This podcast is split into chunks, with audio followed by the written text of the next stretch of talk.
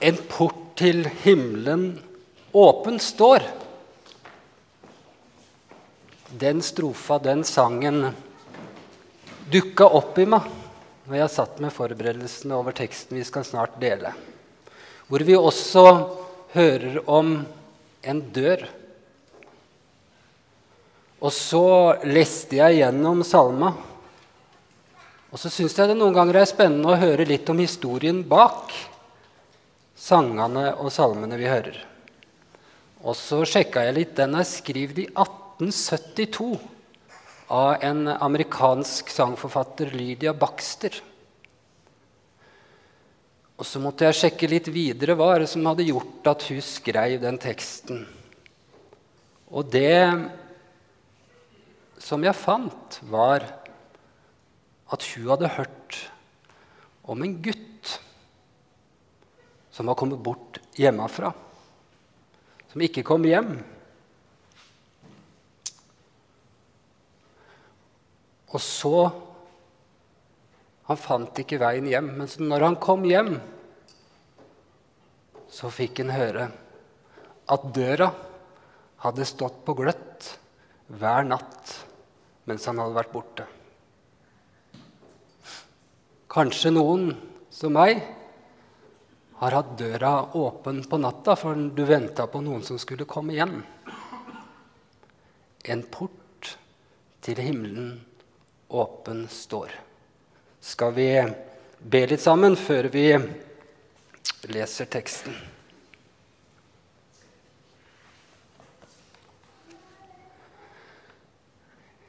Gode far, takk at Porten er åpen.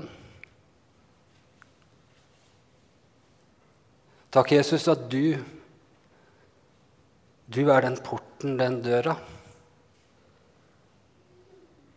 Jeg ber Jesus for stønna nå at du åpner ordet ditt for oss, sånn at vi kan få se mer. Ja, se hvem du er, Jesus, og hvem vi er og få lære mer om veien. Vær her med din Hellige Ånd. Amen.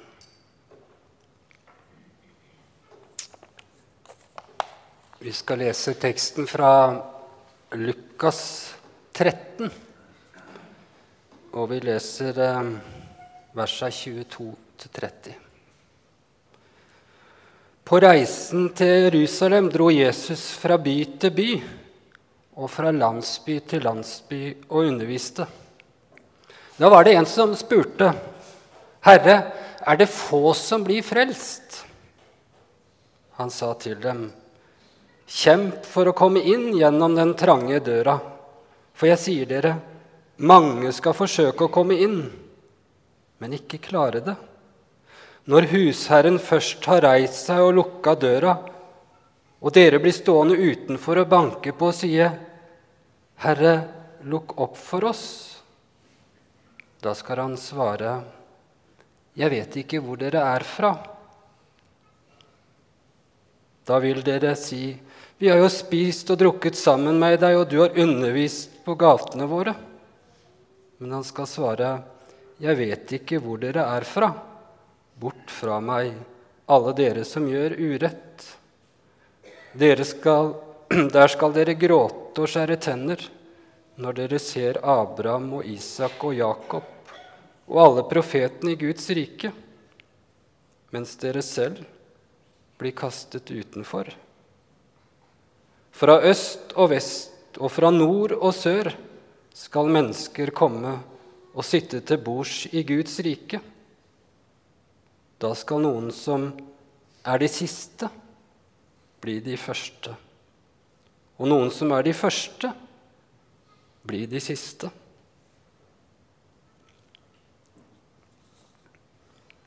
Er det få som blir frelst? Var det en som kom og spurte Jesus om. Jeg vet ikke om du har Tenk på det noen gang, eller tenk på noe lignende. Legg merke til at han spør er det få. Han spør ikke om det er mange. Jesus har jo tidligere sagt noe av det samme. Vi hører det i bergpreken i Matteus 7. Men trang er porten, og smal er den veien som fører til livet, og få er de som finner den. Kanskje ikke det var så rart at denne mannen spurte om det var få. Og så svarer ikke Jesus sånn direkte på det spørsmålet. Nei, det er som han vrir fokuset litt i en annen retning. Ikke vær så veldig opptatt av hvor mange eller hvem. Pass heller på å være en av de sjøl. Kjemp for å komme igjennom den trange døra. Og da, da må vi først snakke litt om døra. Eller rettere sagt hvem som er døra. Jesus sier i Johannes 10.: Sannelig, sannelig, jeg sier dere, jeg er porten inn til sauene. Alle de som har kommet før meg, er tyvere og røvere, men sauene har ikke hørt på dem. Jeg er porten. Den som går inn gjennom meg, skal bli frelst. Det er også Jesus som er porten og døra. Og så er det sånn at det er bare én port. Det er bare én dør. Ja, det er bare én vei. I Johannes 14, 14,6 så sier Jesus, 'Jeg er veien, sannheten og livet'. Ingen kommer til Far uten ved meg.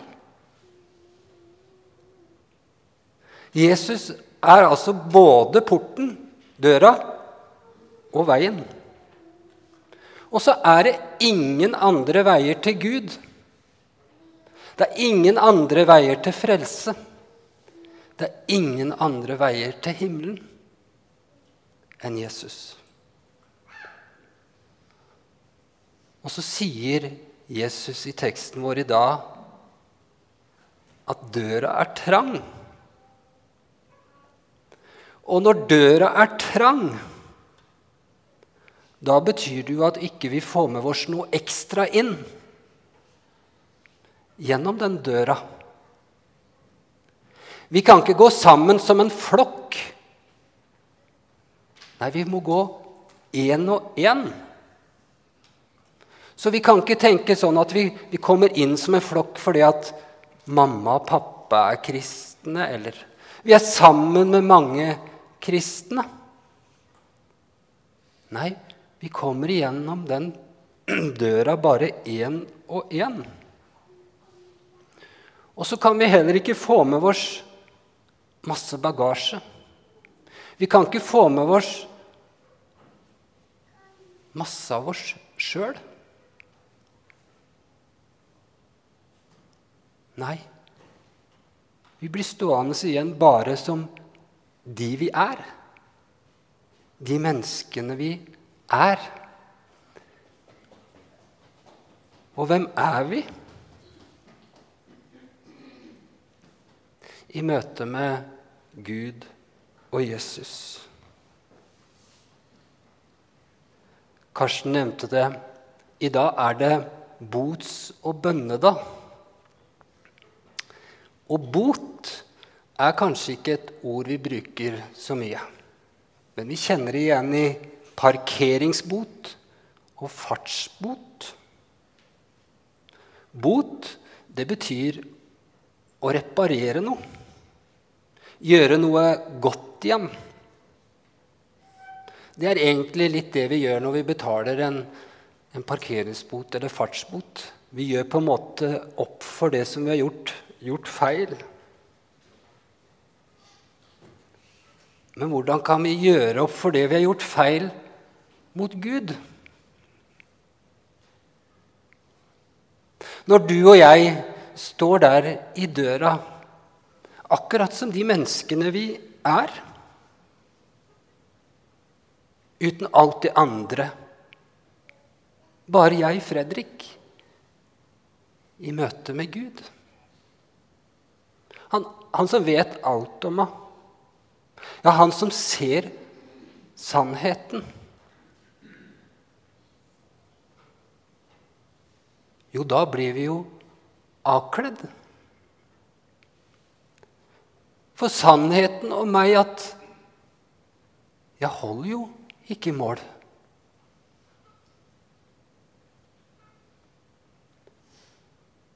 Jeg gjør jo mye feil. Ja, jeg er en synder. Men hvordan skal jeg kunne reparere det gærne? Det jeg har gjort feil mot Gud og mot andre. Vi kan jo ikke betale noe til Gud. Nei, det kan vi ikke. Men vi kan angre. Og så kan vi vende oss bort fra det som er feil, det som er synd. Og så kan vi be om tilgivelse. Og det er bot. Det er bot. Og så sier Jesus at vi skal kjempe for å komme gjennom den trange døra.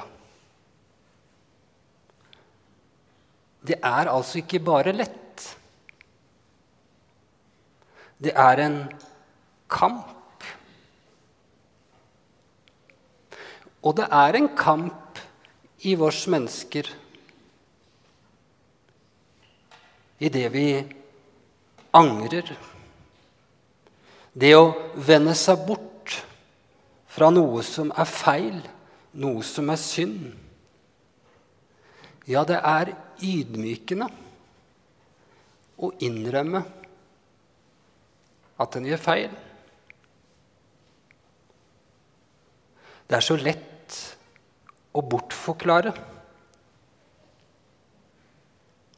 Det kan da ikke være så farlig. De andre gjør jo. Og så kan vi fortsette litt i en sånn tralt uten å angre eller bekjenne. Og så tror jeg det er litt av det her Jesus tenker på når han sier at vi skal kjempe. Vi skal ikke bortforklare unnskylde eller late som ingenting når vi blir vint om at det er noe i livet vårt som er feil, noe som er synd. Ikke prøve å skape et sånn god samvittighet med å si at ja, men alle de andre sier jo det er greit. Alle de andre gjør det jo sånn. Nei, vende seg bort fra det Bibelen sier er synd. Omvendelse. Vende seg bort og til noe annet. I den riktige retningen. Men det koster å si nei til fristelser. Ja, det koster å være annerledes. Jesus sier 'kjemp'. Kanskje det er noe av den kampen Jesus tenker på. Og så kan du kanskje tenke det her hørtes da vel dystert ut. Vet dere hva? Det er det helt motsatte enn dystert. For hva skjer akkurat idet du står der i døra som den du er, og innrømmer, snakker sant, angrer og ber til Jesus om tilgivelse? Hva skjer da? Jo, da tilgir Jesus. Du er tilgitt. Og du går igjennom døra. Du kommer inn. For hvem er døra? Jo, det var Jesus. Men hvem er Jesus? Jesus, han er den som reparerte. Du og jeg kommer, som jeg sa, vi kan ikke betale noe til Gud. Vi kan ikke få gjort opp igjen de feila vi har gjort. Men Jesus, han tok på seg alle feil, all skyld, opp på korset. Og Derfor så kan jo Jesus være døra.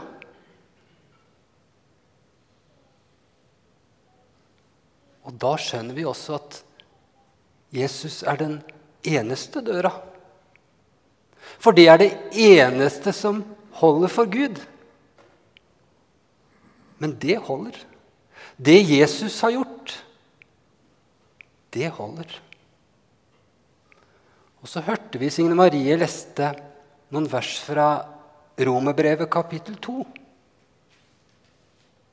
Eller forakter du hans uendelige store godhet, overbærenhet og tålmodighet? Skjønner du ikke at Guds godhet driver deg til omvendelse? Guds godhet driver oss til omvendelse. Guds gode vilje er at vi vender om, innrømmer, erkjenner og ber om tilgivelse. Og så snakker teksten vår i dag veldig tydelig om et innenfor og et utenfor. Det er bare to muligheter for evigheten. Enten kommer vi inn gjennom den trange døra, eller så blir vi stående på utsida. Enten en evighet hjemme hos Gud i himmelen, eller en evighet borte fra Gud. Og så hørte vi det skildra Det er noen som skal stå og banke på døra. Men så er det for seint. Jeg kjenner dere ikke, sier Jesus. Og de sjøl, de blir veldig overraska. For de tenkte og trodde at de var av de som var med på innsida.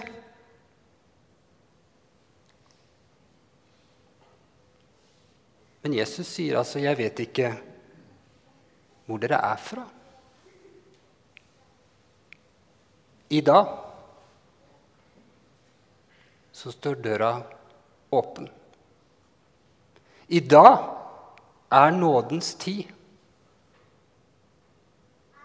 Men morgendagen, den vet vi ikke noe om. Ikke tenk det må ta det bevisste valget, det å ta oppgjøret, det, det utsetter jeg litt. Det venter jeg litt med. Det kan jeg gjøre seinere en gang.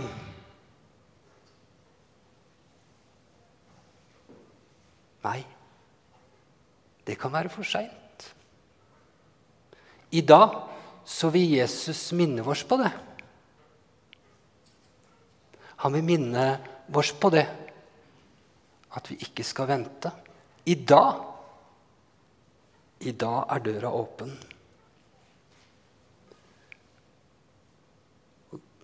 Og Jesus, han vil så inderlig gjerne ha med flest mulig til himmelen. På mandag så sto jeg på togstasjonen på Gardermoen. Skulle ta toget hjemover. Og der så jeg masse forskjellige typer mennesker, som man ofte gjør på en togstasjon. Noen kom i god tid, sto og venta på toget, eller satt og venta. Så var det noen som kom sånn ganske bra tima, ganske akkurat, og rakk toget. Men så registrerte jeg en som kom springende i en voldsom fart. Men så rakk han akkurat ikke toget. Og så rakk jeg liksom å se litt av den skuffelsen og fortvilelsen i ansiktet hans over at han ikke rakk det. Jeg tror nok han karen eh, at det kom et nytt tog, sånn at han eh, kom dit han skulle, men kanskje litt forsinka. Ikke kom for seint til det toget som går til himmelen. Ikke kom for seint. I dag er døra åpen.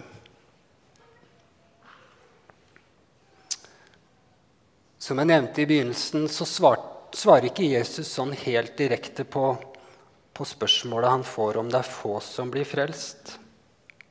Men Jesus sier noe veldig fint mot slutten av teksten vår. Folk skal komme fra øst og vest. Fra nord og sør skal mennesker komme og sitte til bords i Guds rike. Mennesker skal ikke bare komme fra Norge. De skal ikke bare komme fra Europa. Nei, de skal komme fra hele verden. Og så leser vi noen fantastiske vers i åpenbaringsboka. Den siste boka i Bibelen vår. Hør. Deretter så jeg en skare så stor at ingen kunne telle. Av alle nasjoner og stammer, folk og tungemål. De sto foran tronen og lammet, kledd i hvite kapper med palmegreiner i hendene. Tenk, for en dag. Folk fra hele verden. En skare som ingen kan telle. Står foran tronen, foran lammet Jesus. Vet dere hva? Alle de som er der, de har kommet igjennom den trange, trange døra. For de som er der, er der bare på grunn av Jesus. Og så begynte jeg å fortelle litt om historien bak 'En port til himmelen åpen står', som vi sang sammen. Og så skal jeg avslutte med det som faktisk er fortellerteksten til i dag. En av de lignelsene eller historiene i Bibelen som kanskje jeg syns beskriver det vi nå har snakka om, aller, aller best. Vi finner den bare to kapitler bak teksten vår i dag, i Lukas 15. Vet dere hva overskriften er? Sønnen som kom hjem. Mange av dere har hørt den før. Han sønnen som fikk arven sin. Han som reiste hjemmefra. Tok feil valg, kan vi vel si. Brukt opp alle pengene susa det skikkelig til. Og så endte den til slutt opp i grisebingen. Og så leser vi Da kom han til seg sjøl og sa Hvor mange leiekarer hjemme hos min far har ikke mat i overflod, mens jeg går her og sulter i hjel? Jeg vil bryte opp og gå til min far og si, Far, jeg har syndet mot himmelen og mot deg. Og så begynner denne sønnen å gå hjemover.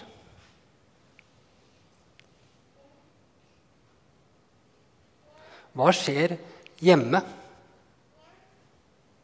Jo, der står far og speider. Venter.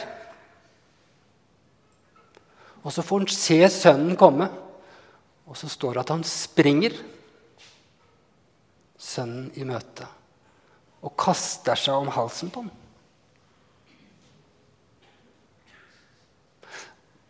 Hva hadde denne sønnen å komme med? Det var ikke rare greiene. Det var egentlig mest skyld, skam. Hva var det som møtte den? En far som venta, som ville møte den. Og så får han tilgivelse. Og så ble det stelt i stand fest. Og tenk Tenk en gang, så skal det stelles i stand en fest. Og den festen, den blir hjemme i himmelen. I dag er døra åpen. Amen.